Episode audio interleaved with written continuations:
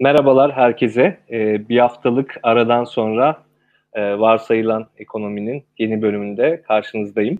Bugün çok özel bir konuğum var. Ee, kendisi hepimizin hocası Asaf Savaş Akat. Ee, birazdan Asaf Hoca'yı yayına alacağım ama öncesinde klasik birkaç duyurum var. Biliyorsunuz e, bu yayınları sizlerin desteğinizle yapıyoruz. O nedenle Patreon'dan bizi desteklerseniz çok memnun oluruz. Patreon linkimiz videonun hemen altında. Bu yayının da daha fazla kişiye ulaşması için şu an arkadaşlarınızla veya bu yayını yayınla ilgisi olabileceğiniz, bu yayınla ilgilenebileceğini düşüneceğiniz kimselerle paylaşabilirseniz çok sevinirim. E, bugünkü konumuz e, aslında başlık e, başlığımız herkesin iktisadı ve konumuz da tam da iktisadın değişimi, dönüşümü, insanlarla ilişkisi, öngörüler, beklentiler, e, ilerleyen iktisat bize e, nasıl e, görünecek veya biz iktisadı nasıl değiştirip dönüştüreceğiz. E, bu arada başlamadan yine bir duyuru yapayım. Asaf Savaş e, Akat hocamız adına iktisat ödülleri veriliyor. Biliyorsunuzdur birçoğunuz. E, bu seneki ödülü de Ufuk Akçiğit hocamız aldı, kazandı. E, onu da tebrik edelim Ufuk hocamızı da buradan. E, şimdi Asaf hocayı yayına alalım. Evet, hoş geldiniz hocam. Bir dakika hocam sizin sesiniz gelmiyor. Olabilir. Tamam. Ben evet. ben kesmişim sesimi. evet. Şimdi geldi. Hoş geldiniz hocam. Nasılsınız? Merhaba, merhaba Enes. Hoş bulduk. Çok güzel bir program adı var. Varsayılan iktisat diye bir programa bir iktisatçının katılmaması yani hayır demesi mümkün değil. Çünkü o fıkrayı bilirsin sen de. İşte bir fizikçi, bir kimyacı, bir işte bir bilmem ne bir bilim adamları bir tane de iktisatçı var aralarında bir adaya düşmüşler. Issız adaya işte bir konserve bulmuşlar. Bunu nasıl açarız diye işte fizikçi demiş ben o güneş ışığını alırım oradan bilmem kimyacı ben işte onu bilmem ne bitkilerden asit filan. Herkes kendi ünlerine göre sonra iktisatçıya gelmiş nasıl açalım bunu demişler. Demiş ki varsayalım elimizde bir konserve açacağı var. evet hocam. Saçı varsayıyor yani. Muhakkak varsayacak. Evet. Zaten programın adını da ilk ilk programda biraz açıklamıştım. Yani biz birçok şeyi varsayarak devam ettiğimiz için e, ismini de varsayılan ekonomi koydum. E, hocam şimdi ben aslında bu fıkrayla a, açmanız çok iyi oldu. Çünkü benim sizi en çok çağırma isteme sebebim de biraz buydu. Şimdi ben size basit sorular soracağım ve zaten sizden çok derinlikli cevaplar alabileceğime eminim. Çünkü sizin gibi e, genç zihinler, gerçekten zihnini genç tutabilen ama bir yandan da deneyimli, anekdotal gözlemleri çok fazla yapabilmiş e, ve belki tabiri caizse görmüş geçirmiş insanlar hakikaten şey oluyor. Çok genç ve diri oluyor özellikle günceli takip edebiliyorsa. E, o konuda sizin de burada olmanızdan dolayı ben çok memnunum. E, aslında ilk sorumla başlayayım hocam. Yani basit sorular dediğim gibi gideceğim. Şimdi e, ilk soruda iktisadın temelinden bir şey sorayım. Adam Smith'in ahlaki duygular kuramı ya da teorisi diye herhalde Türkçe'ye çevirebiliriz. Tam emin değilim. O kitapta biraz da günümüzle bağdaştırarak soracağım. E, liberal bir toplumun olmazsa olmazın ahlaki duygular olduğundan, işte sınırsız kişisel çıkarların aslında toplumu yozlaştırdığından bahseder Adam Smith. Biz şimdi tabii ben de gençken uzunca bir süre bu e, yaklaşıma biraz böyle e, mesafeli durduk diyelim. E, daha genç liberal e, arkadaşlar olarak. Bu noktada benim sormak istediğim şey, e, sizin de son dönem aslında yaptığınız konuşmalardan yola çıkarak bunu soruyorum. Bu piyasa sistemi aslında insanların mutluluğu, refahı için bir araçtı. E, fakat ne oldu da bu piyasa sistemi bizim için bir amaca dönüştü? Bu arada neler yaşandı?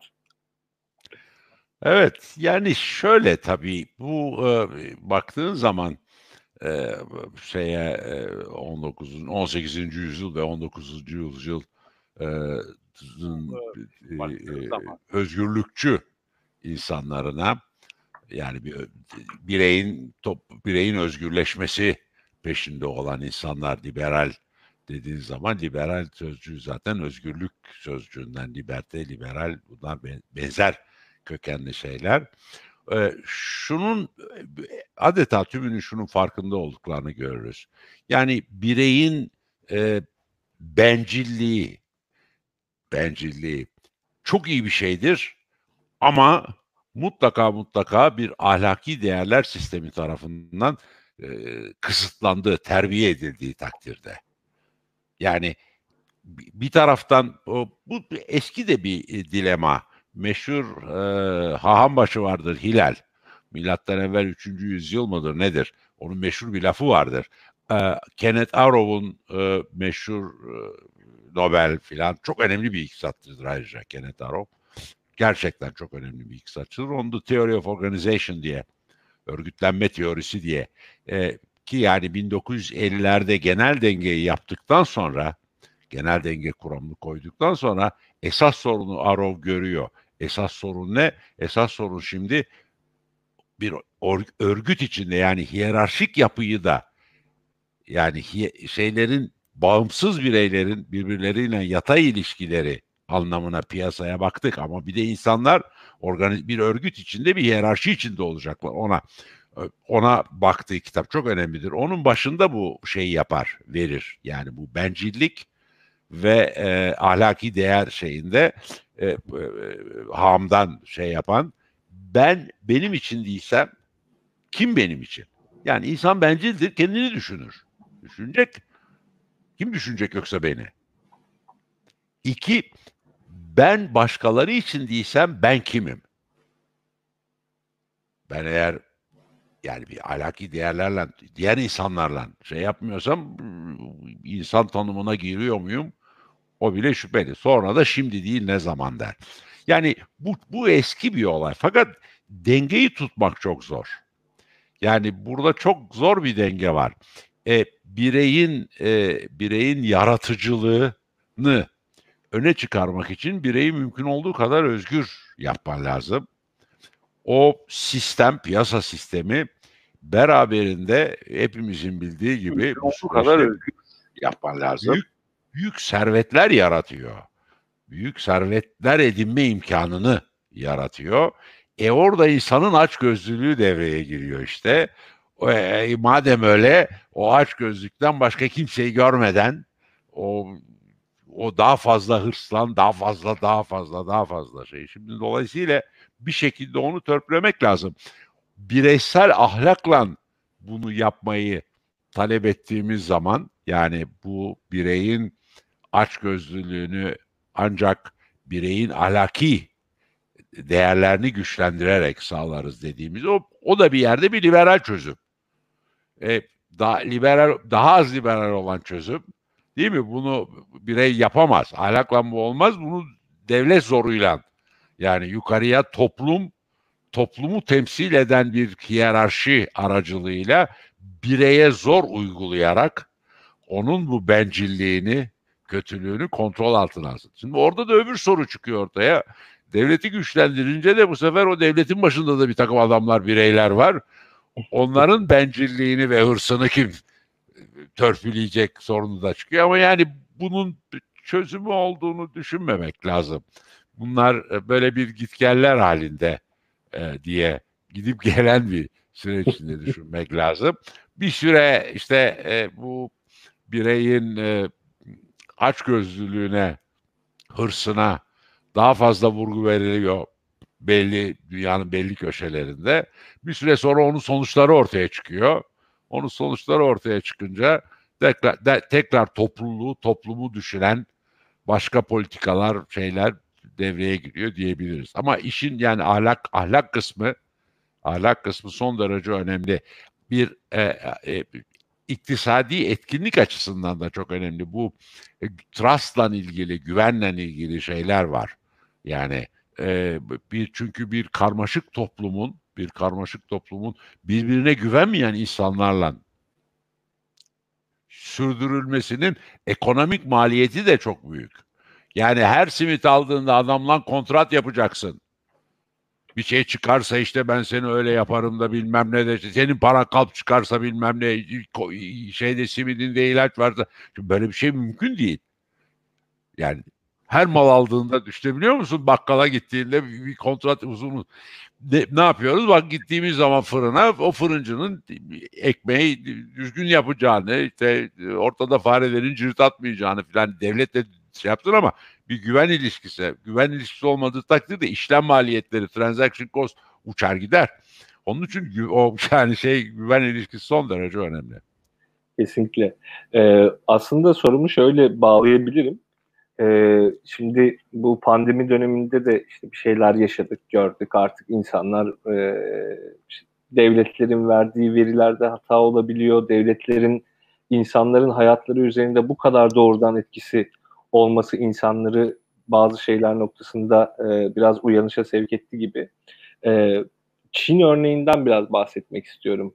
Şimdi Çin piyasayı bir e, devlet kapitalizmini artık e, arş alaya vardırdı ve piyasayı müthiş bir şekilde kullandı. Yani bu piyasa sistemini enteresan bir şekilde manipüle de ederek, kimi zaman işte dumping yaparak, kimi zaman e, arka kapı mekanizmalarını kullanarak kendine çok ciddi bir iktisadi büyüme ve işte sermaye birikimi sağladı. Hatta çok uzun yıllardır da sermaye ihracıyla e, büyüme gibi bir modelde benimsemiş durumda. O kadar fazla sermayesi var yani. E, aslında buna nasıl bakmalıyız hocam? Şimdi bu bizim aslında iktisat biliminin geleceği açısından bence Çin örneği e, bir paradigma değişimi e, ne sebep olabilecek kadar büyük bir şey gibi geliyor. Siz ne düşünürsünüz bu konuda? Yani devletlerin bu piyasayı böyle ele alıp insanların tamamen bir piyasa dışı ajan gibi e, kalması durumu sizce neyi ifade eder? Nasıl bir durum? Şimdi tabii e, yani teorik olarak Çin mümkündü. Çoğumuzun aklına gelmedi ama bunun yani fiilen olabileceği e, yani teorik olarak e, şey en azından şeyler de bunu düşünmüştü. Yani 1930'larda 40'larda işte Oscar Lange'ler filan yani o böyle bir piyasa sosyalizmi diye düşünenler yani bir taraftan e, böyle bir devletin bir gücü var ve önemli miktarda e, mülkiyeti var üretim araçları üzerinde. Yani ekonomide yapılan, gerçekleşen üretimin e, küçümsenmeyecek bir bölümü devlete ait firmalarda, devlete ait kurumlarda gerçekleşiyor. Değil mi? Fakat aynı anda da piyasa var. Yani şimdi 30'ları düşünürsen o zaman e, piyasa varsa özel sadece özel mülkiyet vardır. Yani özel mülkiyet ve piyasa ayrılmazdır. Özel mülkiyet varsa piyasa vardır, piyasa varsa özel mülkiyet vardır. Kamu mülkiyeti varsa da planlama vardır. ee, yani sen devlet mülkiyetten yanaysan piyasaya da karşı olacaksın. Planlamayı savunacaksın. O çerçevede ya acaba özel mülkiyet dışında devlet kamu mülkiyeti ve piyasa olabilir mi şeylere? O açıdan böyle bir teorik olarak mümkün ama bu formatta, bu haliyle böyle bir şeyin olabileceğinin bir garantisi yoktu. E, küçük ülkelerde olsaydı ilginç de olmazdı. Yani şöyle düşün, Çin'in yaptığını e, ne bileyim işte 10 milyon nüfusu olan bir, bir ülke yapsa e, şeyde kimse de ikisini çekmezdi. Çin'i ilginç kılan sadece yaptığı değil, büyüklüğü.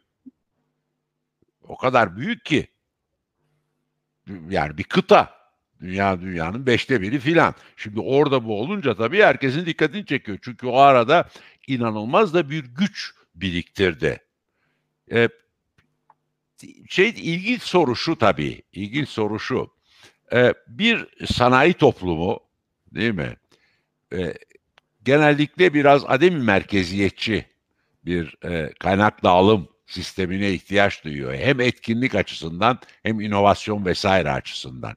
Dolayısıyla yani sanayi sanayiyle, sanayi medeniyetiyle piyasa arasında yakın bir ilişki olduğu söylenebilir. Piyasada hep özel mülkiyet. Piyasada ne zaman olur? Özel mülkiyet olur şeklinde. Paralelinde de bu özel mülk sahipleri de kendi aralarındaki dengeyi tutturmak için siyaseti de böyle daha açık bir siyaset yaparlar. Demokrasi diyelim istersen. Böyle bir yani böyle bir üçlü.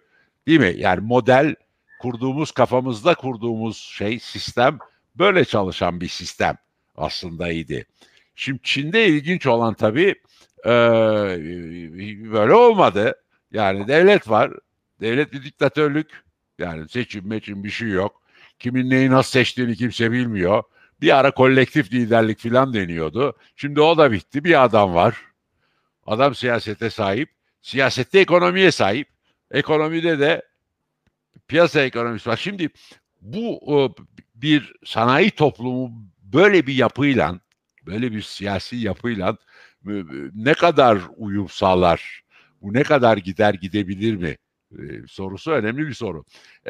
bir süre bu isterseniz buna yani liberal şey diyelim, liberal Amerikan liberali anlamına belki kullan kullanıyorum liberali. Daha yani Amerika'daki sol Amerika'nın e, yani liberal ve sol seçkinleri, eliti içinde şöyle bir beklenti var. Ya ekonomi gelişme, gelişir ve sanayileşme gerçekleşirse kişi başına gelir yükseldikçe siyaset de daha az otokrat, daha özgürlükçü bir yere doğru gider. Yani böyle bir inanç vardı. İşte kişi başına gelir yükselince e, toplum çeşitlenir, talepler artar vesaire olur böyle. Şimdi tabii Çin'de tam tersi oldu. Çin zenginleştikçe yavaş yavaş giderek neredeyse yani böyle e, şey, şekilde gözle görünür bir şekilde daha da kişiselleşen bir diktatörlüğe dönüştü.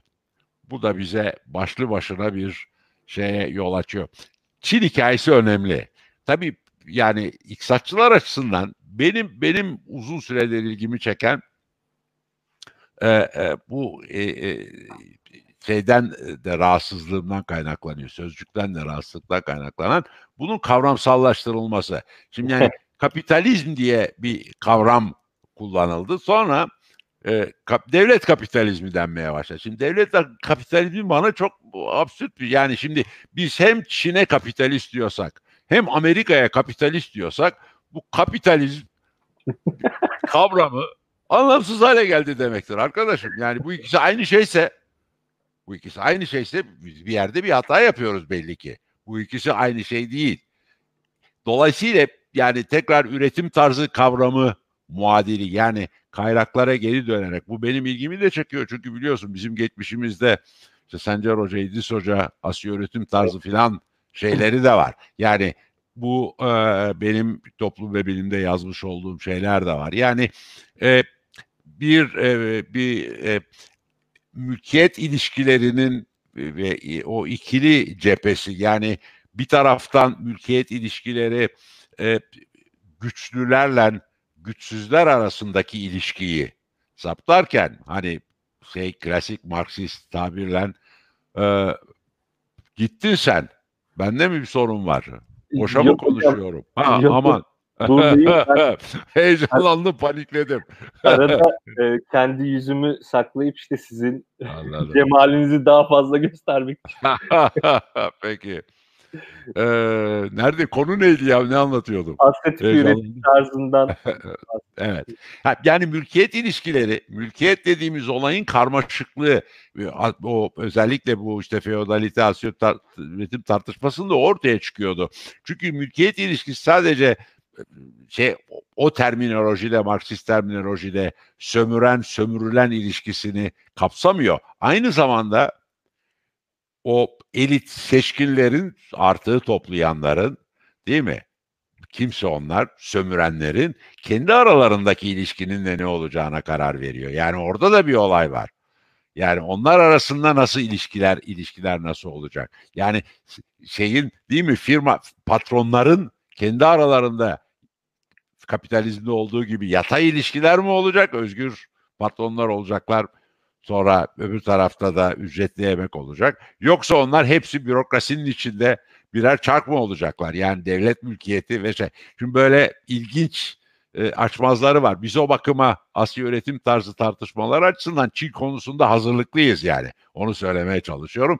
Çin çok konuşulacak. Bir de izlemiştir belki izleyiciler, sen de belki izlemişsindir. Tabii bir tartışmada Daron Acemoğlu'nun da taraf olduğu e, bu Hindistan-Çin tartışmasıdır. Yani Çin çok önemli doğru ama bir tane daha önemli kıta ülke var.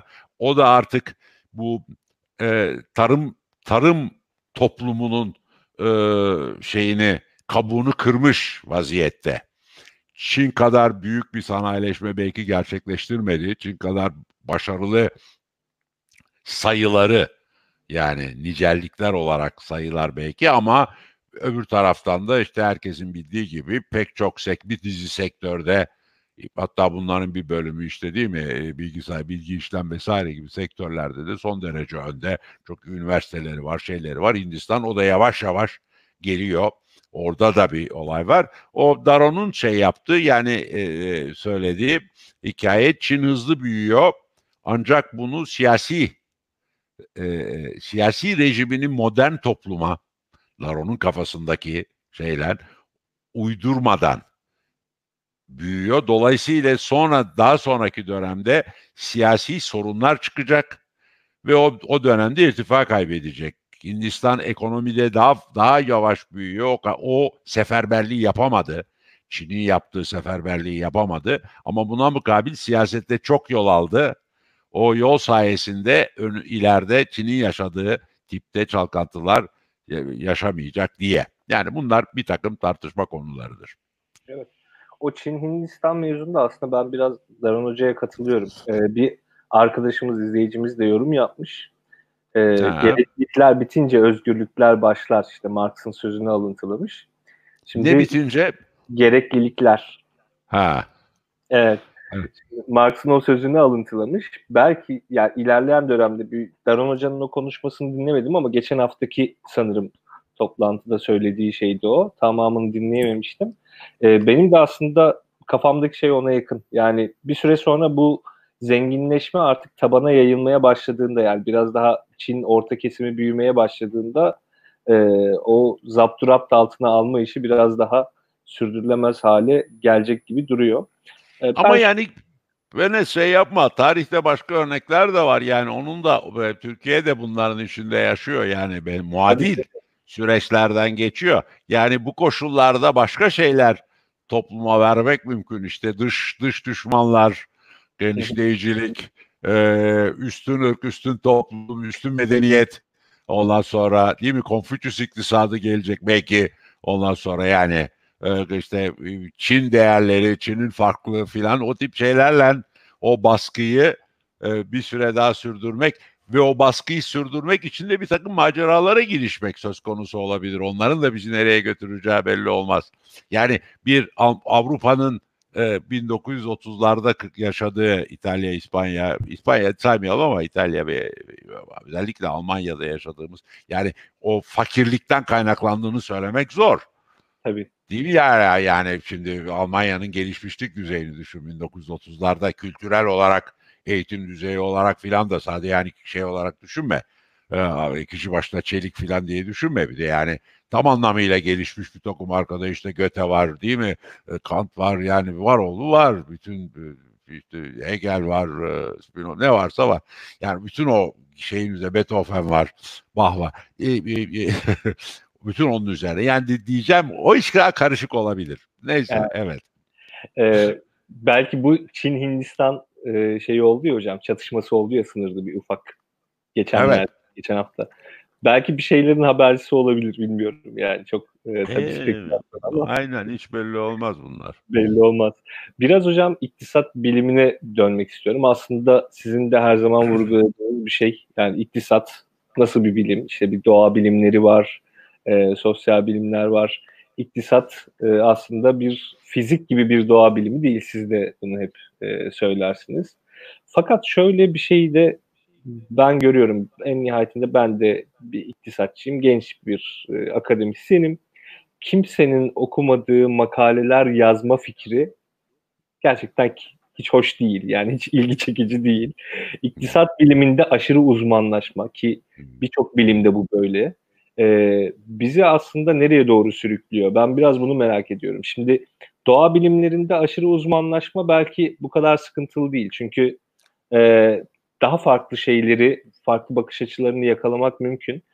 Bu sanki bizim sosyal bilimlerde, işte sosyolojide, e, psikolojide, iktisatta falan biraz daha sorunlu gibi geliyor bu aşırı uzmanlaşma konusu. bize bu genel bakış açısını kazandırma noktasında e, sanki yetersiz kalıyor temel eğitimler ve sonrasında da e, o arada bir süreç e, yaşamadan direkt uzmanlaşmaya e, gidiyoruz.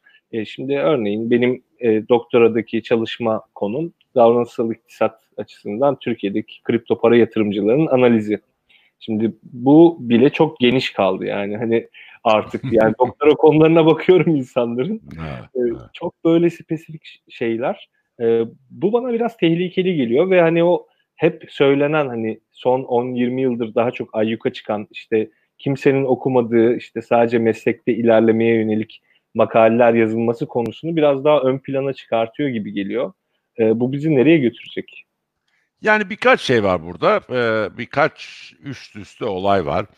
Birincisi e, bir, bir, sosyal bilimler yani insanla toplumla ilgili bilimler ama iktisatta daha da belirgin bu tabii. E, kaçınılmaz olarak ideolojik. E, yani ideolojiden etkileniyor. Yani bundan etkilenmemesi mümkün değil. E, şey e, özellikle Amerika yani şeyin Amerika'nın e, ekonomik e, e, güçlenmesiyle beraber dünya iktisadına da Amerika'nın hükmetmeye başlaması değil mi? Yani özellikle İkinci Dünya Savaşı ve sonrasındaki döneme baktığınızda orada bizim Ercan Eren onu e, Yıldız Teknik'ten çok vurgular, e, anlatmaya çalışır.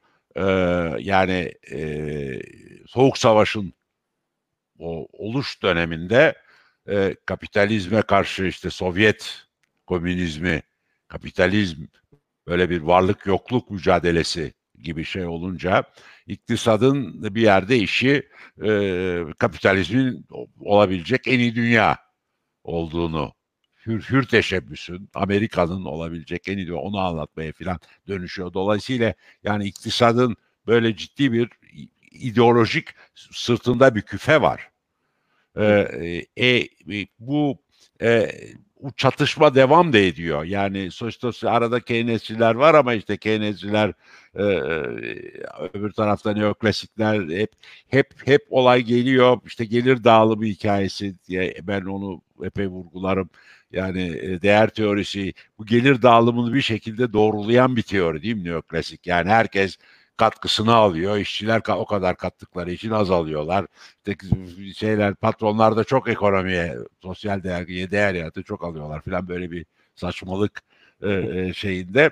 Yani işin bu ideolojik boyutu e, önemli. Bu fiziğe benzeme filan onun da gerisinde o var. Yani bir yerde ahlakı çıkartmak, toplumu insanı insan yapan şeylerden iktisadı soyutlamak. Neyi varsayıyoruz? İktisatçı rasyoneldir. Evet. Hissi yoktur, ahlakı yoktur, dini yoktur. Ya olur mu insan böyle bir şey olabilir mi? Yani böyle bir adam ondan sonra duyguları olacak, nefret edecek, şey yapacak, kızacak. Ondan sonra e, bütün insanların yaptığı gibi davası uğruna ölmeyi göze alacak. Yani inancı uğruna filan böyle bunlar hiçbirine yarıyor olmayan böyle garip bir şey kurutan şey yapan. Şimdi o süreç yavaş yavaş bir de üstüne uzmanlaşmayı getirdi. E, tamamen koptu bu senin dediğin gibi. Yani iktisatta üretilen bilginin e, tümü demeyeyim ama e, küçümsenmeyecek bir bölümü işe yaramaz bilgidir. Kaynak israfıdır. Yani akademik iktisatçılığın bunlara verdiğimiz maaş ben de dahilim. Bunlar aldıkları maaş. İşte ek yemek yiyorlar, otomobil. Tabii yani arabaları var altında, telefonları var, bilgisayarları var, bilmem neleri var falan filan. Belki yani ders veriyorlarsa o derste de bu yanlış öğrettikleri için yani oradan da eksik atma değer. Tümüyle bir eksik atma değerle karşı karşıyasın iktisatçı tabiriyle. E, peer group şeyine de dönüşüyor ondan sonra. Yani her küçük uzmanlık sadece kendiyle konuşuyor. Bu karından konuşma gibi bir şey yani. Adam birbirlerine konuşuyorlar. Sovat hiç kimsenin ilgisini çekmiyor. Hiç yapmıyor ve toplumda var olan hiçbir büyük, önemli, temel sorunla ilgili hiç cevapları da yok. Çünkü onlar soruları değil. O soruları sormamışlar. Senin dediğin gibi işte kripto paranın bilmem nesinin bilmem nesi. Toplum şunu soruyor. Abi bu kapitalizm ne olacak diyor. Devlet yani tamam devlet müdahale etsin de ne kadar müdahale etsin diyor. Koruyalım, koruyalım mı dışarıya karşı kendimizi? Nasıl koruyalım diyor. E bak diyorsun ki efendim şimdi iktisat çiçek efendim koruma diyor. E peki diyor Çin ne oluyor diyor. Ya kardeşim bak adamlar çok da başarılı yani. Sen ne diyorsun? Değil mi? Kore de son derece başarılıydı filan. Yani toplumun güncel sorunlarına cevap ver. Bu çok büyük bir sorun. Bunun e, bunun yani böyle bir skolastik düşünce şeyi gibi. E, ama e, bu değişecek. Yani Covid'den dolayı değil. Sakın yanlış anlama. e, çünkü şeyin bu bu anlatılanların e, gerçek ekonomilerde bir e, iz düşümü olmadığı o kadar hızla görülüyor ki e, değişecek. Şu oldu, birkaç şeye dikkat çekelim. E, onu da bu benim iktisatçılar e, ne e, iktisat eğitimi üzerine de, de bir şeyim vardır. Belki görmüşsündür e, e, şeyde iktisat ve toplumda. Ondan sonra orada da bunları anlatmaya e, e, şey yaptık çalışıyoruz yani bu bu şeyi insanlara bu bu derdi. Şeyde de Türkiye Ekonomik Kurumu'nun şeyinde de iktisat eğitimi üzerine yaptık. Şimdi 27 Ağustos'ta 27 Ağustos'ta da Yıldız Teknik'te yapacağız. Gene bu işte iktisat eğitimi nedir ne olmalıdır? Yani iktisat da dolayısıyla iktisat e, şey e, nedir ne olmalıdır diye e, toplum çözüm bekler bir sorunların değil mi e, açıklanmasını ister. İki bu sorunların çözümünden şey ister. Şimdi eğer eğer akademik iktisatçılar bunu yapmazsa ki akademik iktisatçılar Türkiye'de de özellikle akademik iktisatçılar burada sorunlu. O zaman ne oluyor meydan başkalarına? Mesela şimdi bakın bak Türkiye'de Türkiye'de normal vatandaşa sor iktisatçı şeyine sahip insanlar içinde akademik iktisatçı çok az. Mesela en popüler değil mi? Ve Türkiye'de iktisadın yaygınlaşmasına, ekonominin anlaşılmasına en büyük katkı yapanlardan biri Mahfi Eğilmez'dir. Evet. Akademisyen değil. Akademisyenler çünkü senin dediğin gibi o kendi uzmanlaşmış fil düşük şey yapmışlar. Küçük küçük orada herkes birbirinden konuşuyor. Herkes birbirine dipnot veriyor. Ondan sonra onlar Citation Endex'te de çıkıyor falan filan. Yani bu, bu, bu yürümez böyle. Bu yürümez böyle. Evet dışarıya çıktı. Tekrar tekrar toplumla diyalog. Adam Smith kitabını e, diğer akademisyenler için yazmamıştı topluma. Keynes kitabını öyle yazmıştı. Weber keza öyle yazmıştı. Schumpeter aynı şekilde. Yani büyük nefes olayı öyle nefesli nefesli ve toplumla diyalogu olan toplumla bir alışverişi olan bir iktisat. Bu yönde ben biraz iyimserim. Şey yapıyor ama genç nesil tabii sıkışmış vaziyette. Çünkü o e, terfi sistemi tamamen o eski sisteme göre. Citation Index. Citation Index'e girmek için de o popüler bir konu bulup birbirinize atıf vereceğim bir ekiple beraber onların ikisini çekecek bir şey yazacaksın dananın dananın dananın hiçbir kıymet harbiyesi olmayan ama onları ikisini çekerse onlar da onun üzerine yazacaklar. Birbirlerine bakar bir şeyler verecek, atıp verecekler filan. Müthiş bir kavga çıkacak filan. Hiçbir yararı olmayacak. Bugün de olmayacak, sonra da olmayacak, 10 sene sonra da olmayacak. Hatta 3 sene sonra unutulacak. Tamam ben yok olup gidecek. Ama sen o arada iyi bir üniversitede bir e, garantili kendine bir sağlam maaşlı bir şey toplayacaktı. Böyle yani bu, bu iş böyle gitmez. Neyse. ya işin garip tarafı e, bir şöyle bir şey de oluyor. Bu işte birbirine atıf yapan akademisyenler vesaire falan işte mesela ben öyle bir ekibe dahil olamıyorum. Yani benim gibi insanlar öyle bir ekibe dahil olamıyor bir türlü. Asıl öyle bir ekibe dahil olabilen insanlar e, biraz daha böyle hani sosyal yaşantılarında falan da diyeyim artık e, böyle kendi gruplarını falan oluşturulmuş tipler oluyor. Anlayamıyorsunuz böyle ne oluyor ya hani böyle bir seminer olmuş bilmem nerede bir konferans olmuş. Çok öyle konferansa katıldık işte çok, sadece konuşmacıların geldiği başka çok, kimsenin çok, gelmediği. Çok, çok doğrudur. doğrudur. Çok güzel. Ben işte hocam aslında biraz bu davranışsal iktisata yönelmem biraz ondan dolayı oldu. Yani daha böyle multidisipliner ve hani insanla daha iç içe. Belki de, yani bu sorunun cevabını biraz davranışsal iktisatta aradım. Aslında size de onu soracaktım. Bu rasyonelite kavramından bahsetmeniz çok iyi oldu. Ee, iktisadı aslında o fizik e, gibi bilimlerden ayıran şey en nihayetinde insanın doğayla ilişkisi üzerine e, bazı analizler yapması, insanların birbirleriyle alışverişleri üzerine analizler yapması, davranışsal iktisat e, biraz daha şey, e, insanların mutluluğunu da esas alan, onu ön plana çıkaran ve öngörülerden ziyade yani deskriptif bazı durumlardan ziyade değişken e, durumları hesaba katabilen bir e, dalı olarak iktisadın ön plana çıktı. Ana akıma da zaten gitgide yaklaştı. Sizce aslında bu davranışsal iktisat bizim e, iktisat biliminin e, sıkıntılarına derman olur mu, olur mu, oluyor mu? E, böyle genel bir soru sordum ama hani artık e, sizden daha derin bir cevap bekliyorum. yani şöyle diyeyim, e, davranışsal iktisat e, iyi bir şey. Yani seviyorum ben. E, önemli ufuk açıcı şeyler söylüyor. E, ama tek başına e, katkısı sınırlı olur. Ha bugün her şeye rağmen prof, bir akademik kariyer yapmak isteyen biri o demin sözünü ettiğimiz çarka girecekse davranışsal iktisattan girmek mesela bir sürü başka yerden girmekten daha iyidir. En azından katma değer o kadar negatif olmayabilir. Hatta bir pozitif katma değer umudu filan da olabilir. Yani onu o bakıma şey.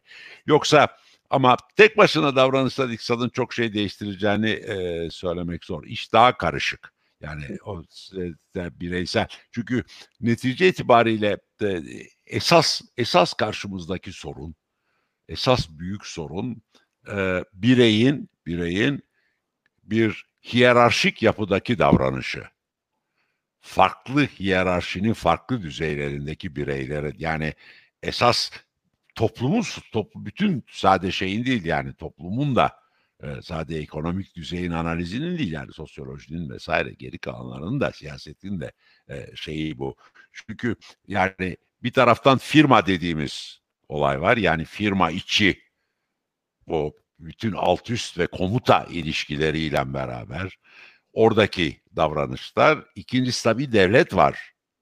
Hiyerarşilerin ilki ve en büyüğü ve daima en büyüğü ve her şeyi değil mi? Hep hepsini içine almaya hep çalışan en genişleyici, en büyütücü falan o var. Onlar. Şimdi o buralarda davranışsal iktisadın e, aşan yani daha daha karışık e, şeylere gitmek lazım. Nereden olacağını biliyorum. O bakıma mesela kompleksite benim ilgimi çekiyor. Yani davranışsal iktisat kadar kompleksite iktisadı işte evrim iktisadı bunlar hepsi e, şey yapan e, yarın için ufuk açan şeyler. Ama esas yani iktisadın esas şu anda ihtiyacı olan e, bence sosyolojiden ve siyaset ilminden de fazla böyle sosyolojiyi ve siyaset ilmini ve iktisadı içinde alacak bir daha genel bir çerçeveye yönelmek. Ee, yani bir yerde Marx'ın yapmaya çalıştığı e, gibi yani bir toplumun genel bir teorisini ve bir aynı zamanda bu tabii bir evrim teorisi, bir tarih teorisi olmak zorunda. Toplumun bir genel teorisinin içinde iktisadı bir yere koymak o yer tanımayacağı toplumu toplum yapan ekonomik faaliyetler kadar işte düşüz diğer diğer faaliyetler ve iktisadi kurumlar kadar diğer kurumlar, toplumsal kurumlar, kültürel kurumlar, işte dini kurumlar, ahlaki kurumlar vesaire vesaire hem normlar hem kurumlar anlama onlarla karşılıklı ilişkilerini daha fazla ortaya çıkartacak. Bu açıdan bütün bunlarda davranışsal iktisadın bize yararlı olacağını düşünüyorum. Ama tek başına bir çözüme e, e, götüreceği kanatta değilim. Özellikle de ana akımın e, e, ana akımlan ana akım tarafından kolay yutulabileceğini düşünüyorum. Şu anlama kolay. Yani netice itibariyle netice itibariyle bütün o davranışlar varsayımları koyduktan sonra işçiler ürettiklerini alıyorlar. Sermaye de ürettiğini alıyorsa yani biz aynı yere geri döndüysek o, o zaman yani hani niye bu kadar zahmet ettik? Demek yani onu onu aşmak çok önemli. Yani bölüşüm sorununun bölüşüm sorununun e, o piyasa içinde gerçekleşmediği bir dünyayı tahayyül edebilmeye başlayacaksak evet ama yoksa bölüşüm sorununu gene piyasaya e, e, şey yapacaksa, taşıyacaksa e, davranışsal iktisat o şey değil. O senin yapmak istediğin davranışsal iktisat büyük bir ihtimalle o değil zaten. Zaten şöyle bir sorun görüyorum ben aslında. Şimdi komplekste iktisadından bahsettiğiniz iyi oldu. Aslında bir sonraki sorun da onunla ilgiliydi. Şimdi biz iktisatta aslında ne yapıyoruz? Bir şeyleri öngörmeye çalışıyoruz sürekli. Ee, bu öngörülerimiz e, genelde yanlış çıksa da öngörülerde bulunmaktan vazgeçmiyoruz ama kompleksite iktisadında e, daha adaptif bir durum var. Yani o adaptiviteyi sağlamak, işte öngörülerden ziyade işte bu değişken durumları ön plana çıkarmak daha önemli. Ben davranışsal iktisata evet bu nedenle biraz daha e, yaklaştım. Fakat bazı çalışmalarda şunu görüyorum. Halen şunu yapmaya çalışıyor e, hocalarımız veya arkadaşlarımız. Yine davranışsal iktisatı araç kılarak işte bir şeyleri öngörülebilir kılmaya çalışıyor. Ya öngörülemez işte hani bunu artık biraz ön plana mı çıkarsak vesaire. Bu ikisini biz e, yani ya hem geleceğe yönelik öngörüler yapmak istiyoruz. Bu insanın güven duygusuna çok hitap eden bir şey çünkü. Ama bir yandan da farkındayız ki artık son, son zamanlarda da konuşuluyor. Bu adaptif beklentiler yani insanların beklentilerinin sürekli değişmesi olayı da bir gerçek. Bu ikisi bir arada nasıl var olacak veya ileride biri birini yenecek mi? Ne olacak sizce? Şey yani bu, bu tabii Şimdi böyle genel konuşuyoruz. Ee, gene bu e, şeyin Danny Rodri'nin e, Efil'de çıkan Türkçesi de e, ne iktisadı anlamak mıydı? Evet. E, evet. Economic Balls. Ondan sonra iktisadı anlamak. O mesela e, bence önemli bir e, önemli bir çalışma. Yani farklı farklı düzeylerde karşısında olduğumuz olay çok karmaşık bir olay. Tamam mı? Ee, yani insanlar netice itibariyle iktisatçıdan demin söyledim. iktisatçıdan e, e, teşhis sorunlarla ilgili teşhis bekliyorlar ve çözüm bekliyorlar. O senin tahmin dediğin o o sürecin bir parçası. Hastalıkla seyreder. Yani değil mi yani şey nasıl seyreder? Olay nasıl seyreder? O onun önemli bir parçası. Ama e, amaç değil şöyle bir sorun vardır. Bu sorunu şöyle çözeriz. Doktor ben onun için eğer yani iktisat metodolojik olarak iktisadı bir yere benzeteceksek hani bu fiziği filan bırak biyoloji bile bence biyoloji bile yani bütün karmaşıklığına rağmen e, biyoloji bile yeterince analoji değil. E, iktisatçıyı e, doktora tıp doktora benzetmek lazım. Doktorun çünkü karşısında olduğu şöyle özel bir durum var. Her hasta tek. Bile yeterince... her hasta tanımayacağı bu tek. Yani kurallar var tamam. Ama iki tane hastada aynı hastalığın aynı şekilde seyretmesi mümkün değil. Evet. Mümkün değil. Her hasta tek hepsinde aynı kurallar geçerli. Evet de o kadar karmaşık, farklı bir süreçte belirleniyor ki bir, bir şeyi farklı oluyor. İki adamdan bir tanesi diyeti farklı oluyor. Öbür türün genetik bilmem nesi farklı. Öbür Tutduğu yer farklı oluyor. Öbür huyu farklı oluyor. Da jimnastik yapıyor. Sigara içiyor, içmiyor.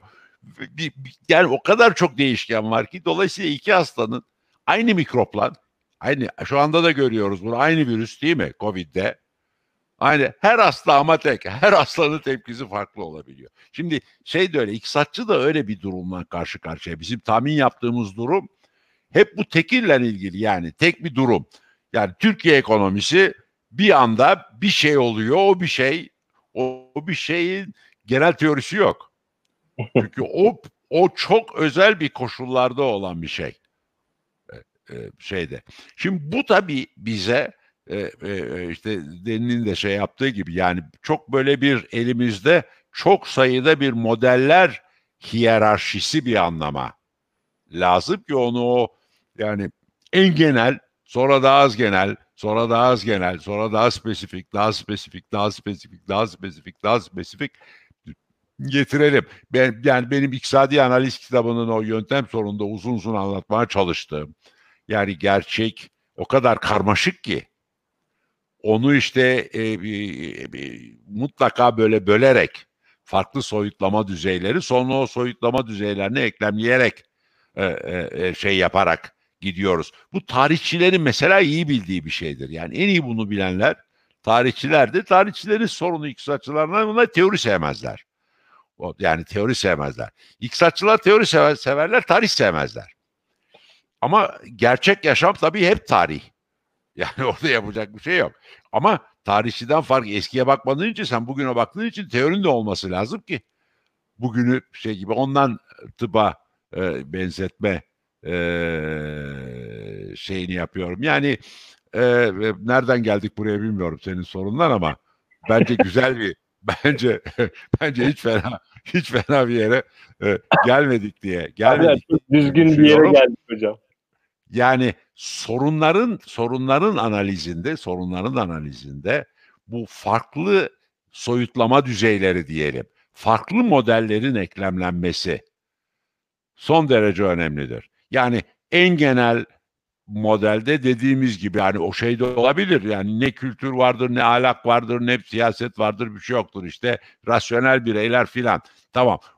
Ondan kalkıp da bugün Türkiye'si hakkında konuşmaya kalkmaman şartıyla böyle bir modelin olması yararlı olabilir.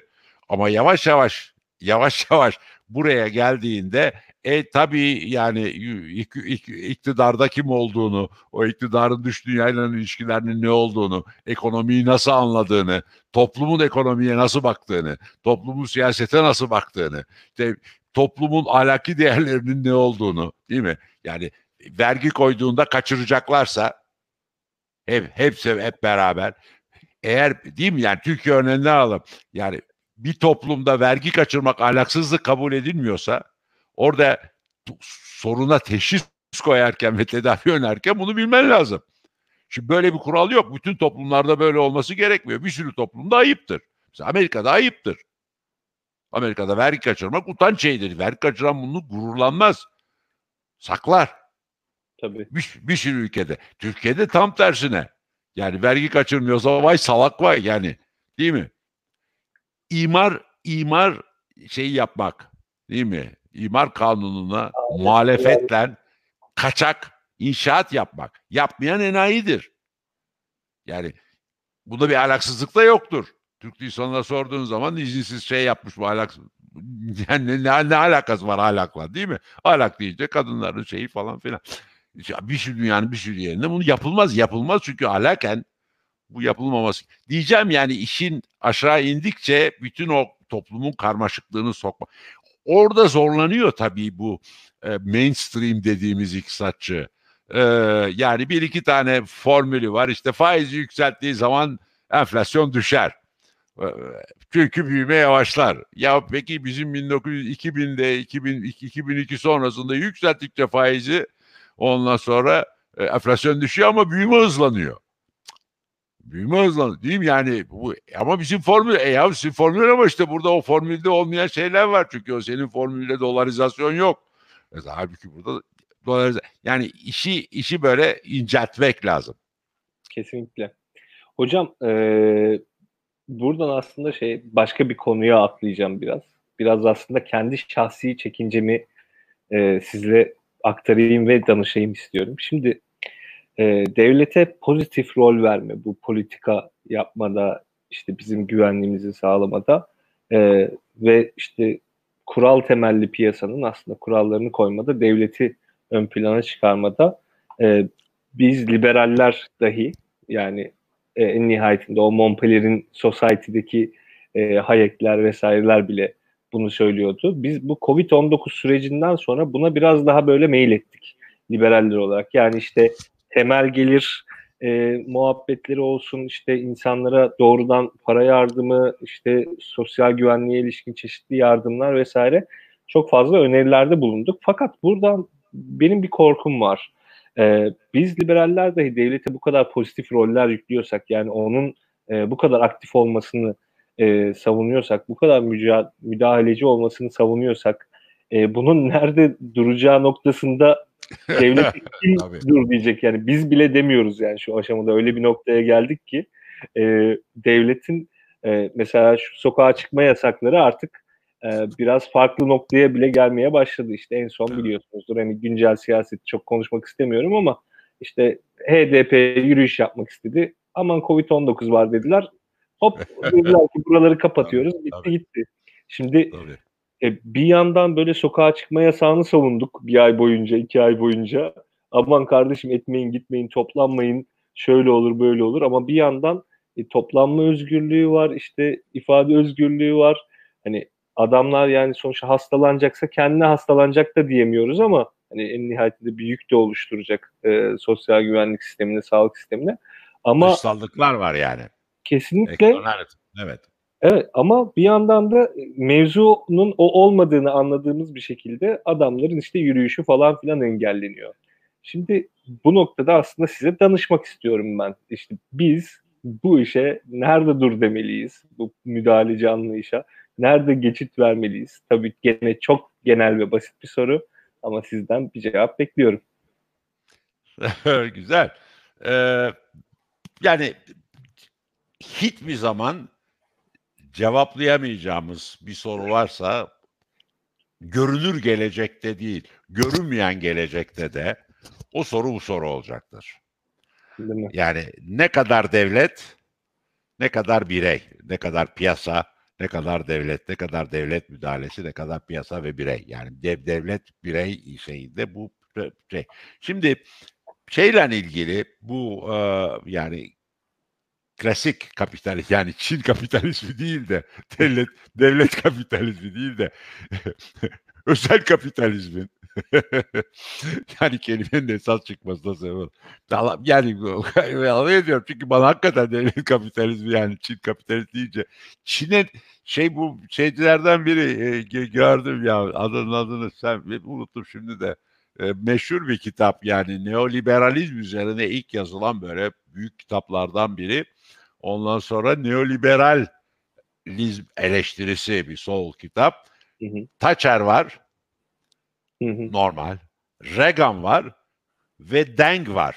Mao'nun iki numaralı Deng var. Şimdi yani Deng ve Reagan ve Thatcher aynı yerde olunca hakikaten şeyler hatlar karıştı gibi geliyor bana yani ciddi şekilde hatlar ama yani bu özel kapitalizmin şöyle şöyle bir açması var. Şöyle bir açması var. Devletin çok güçlenmesi halinde teminat yönetim tarzı bağlamında sözünü ettim. Devlet giderek kapitalistlerin de hakimi olabiliyor. Çin'de olduğu gibi, Rusya'da olduğu gibi Türkiye'de aday buna değil mi? Devlet güçlendiği zaman kapitalistlerin de patronu veriyor. Bir de bakıyorsun onun de kim işte patron kimse sen onu al sen onu al seni sevmedim seni malına el koydum falan filan geçti olsun. Dolayısıyla devletin çok güçlenmemesi lazım. Açık. Ee, bir şekilde onu kontrol etmeleri lazım. Öbür taraftan devlet zayıf olduğu takdirde de sistem, piyasa sistemi kendi içinden müthiş, eşitsiz bir gelir dağılımı yaratıyor. Bu da ayak takımının değil mi? Bu gelir dağılımının altında kalanların ayaklanmasına yol açıyor. E, e onun da olmaması lazım. Olmaması için devletin güçlenmesi lazım.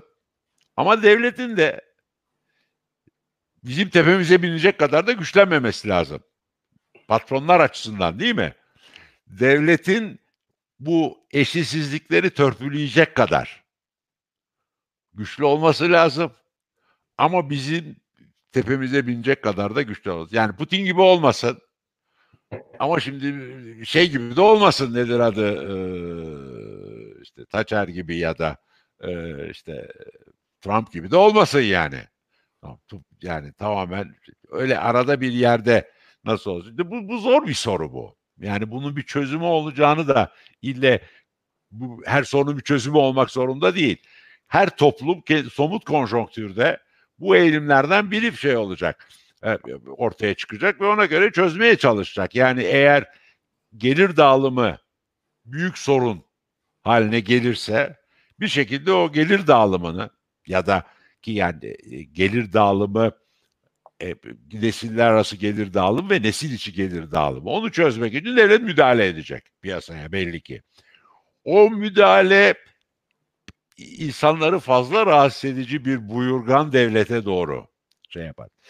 Bu şeyden kurtuluşun tabii bu süreçten kurtuluşun şeyi devleti demokratikleştirebilmek. Yani şeyin dikkat edersen e, bu son kitabında Hacemoğlu'nun bu dar koridorun önemli şeylerinden biridir. Yani devlet güçlenecek bir taraftan fakat aynı zamanda devleti denetleyen kurumlar da güçlenecek.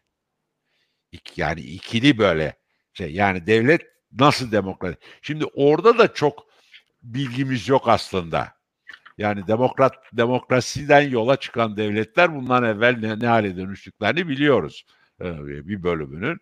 E, geri kalanlarda da daha böyle yani klasik liberalizmin devleti de biraz şey yani bürokratik, ağır ve boyu buyurgan bir devlet olmaya müsait. Ve evet. en önemlisi çıkar gruplarının çıkar grupları tarafından e, kontrol edilmeye çok müsait bu temsili evet. demokrasi. Dolayısıyla devletin bir taraftan bu çıkar grupları şeyi var, öbür taraftan buyurganlığı var. Yani ekonomik sorun dikkat edersen dönüyor dolaşıyor, siyasi soruna dönüşüyor. Siyaseti kontrol edemediğimiz zaman ekonomiyi kontrol etmekte e, zorlanırız. Ama şimdi şu anda ben devlet daha çok müdahale etsin, Covid'de gördük diyenlerin hiçbirinin yani Çin gibi olmayı düşündükleri ya da arzuladıklarını zannetmiyorum yani. Çin gibi de olmak istemiyorlar. Ama işte Amerika gibi de şu andaki Amerika gibi de olmak istemiyorlar. Demek ki arada bir yerde bir, bir şeyler olacak herhalde. Evet yani en azından bu soruyu yani evet, cevabının zaten verilemeyeceği çok zor olduğu ve zamana ve mekana göre değişken olduğunu e, biliyorum. Ama e, işte bu soru hep aklımızın bir köşesinde, zihnimizin bir köşesinde dursun diye sormak istedim. Evet. Hocam aslında süremizi tamamladık sayılır. zaten. Evet, 57 dakika olmuş ama ben çok kısa bir soru soracağım. Değerli bir iktisatçı. Soru kısa da bakalım cevap kısa olacak mı oğlum cevap, sen yani? cevap da kısa olacak bence. Ee, bir de tüm bunlardan bağımsız. Şimdi biraz iktisatın genel şeyinden konuştuk falan ama çok spesifik bir soru soracağım. Bu benim de kafamı kurcalayan bir soruydu. Siz söyleyince ben de çok şaşırmıştım. Soruyu soran arkadaşım Caner, o da Kırklareli Üniversitesi'nde iktisat hocası. O da e, biraz şaşırmış. Türkiye ihracatının ithalata bağımlı olması konusunda sizin geçen yaptığınız bir konuşmada aslında durumun tam da öyle olmadığını söylemiştiniz. Ben hani bunu duyunca biraz şaşırmıştım. Çünkü şeylere baktığımızda verilere sanki öyle değil gibi gözüküyordu. Sonra sizin paylaştığınız grafiği de gördüm. Biraz şaşırdım açıkçası. Herkes de tam tersini düşünür. Siz şey dediniz. Bu evet. tabii şimdi bak bu ideolojinin önemi. Biz yani Türkiye'de bir seçkin insan bir kere Türkiye'nin gidişatından mutsuzdur. Değil mi? Yani Türkiye'nin iyi, iyi değildir. İşler kötü gidiyordur Türkiye'de yani. Tamam mı? İşler kötü gidiyor. Dolayısıyla Türkiye başarısızdır. Yani bu şu. Daha iyi olmasını istiyorum ben demek istiyor. Yani benim gibi insanlar, bizim gibi insanlar Türkiye'yi yönetseydi daha iyi olurdu. Öyle olmadı.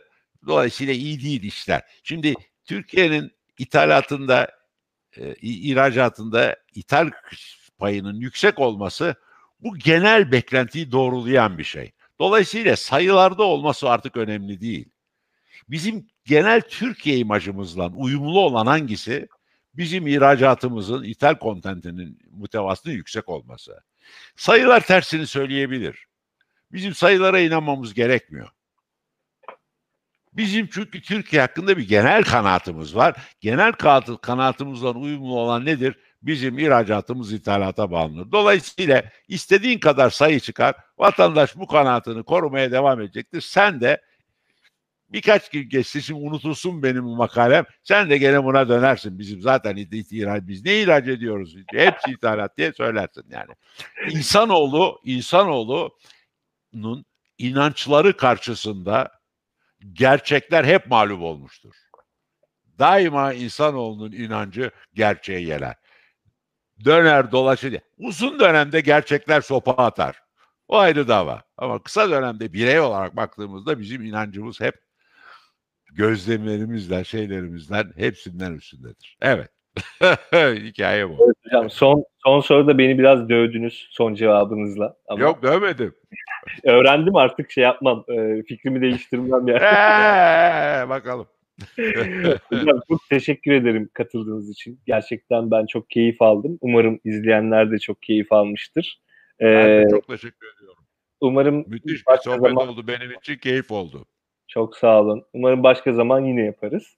Ee, şimdilik size hoşçakalın diyeyim. Ben de kapatmadan önce birkaç duyuru e, yapayım.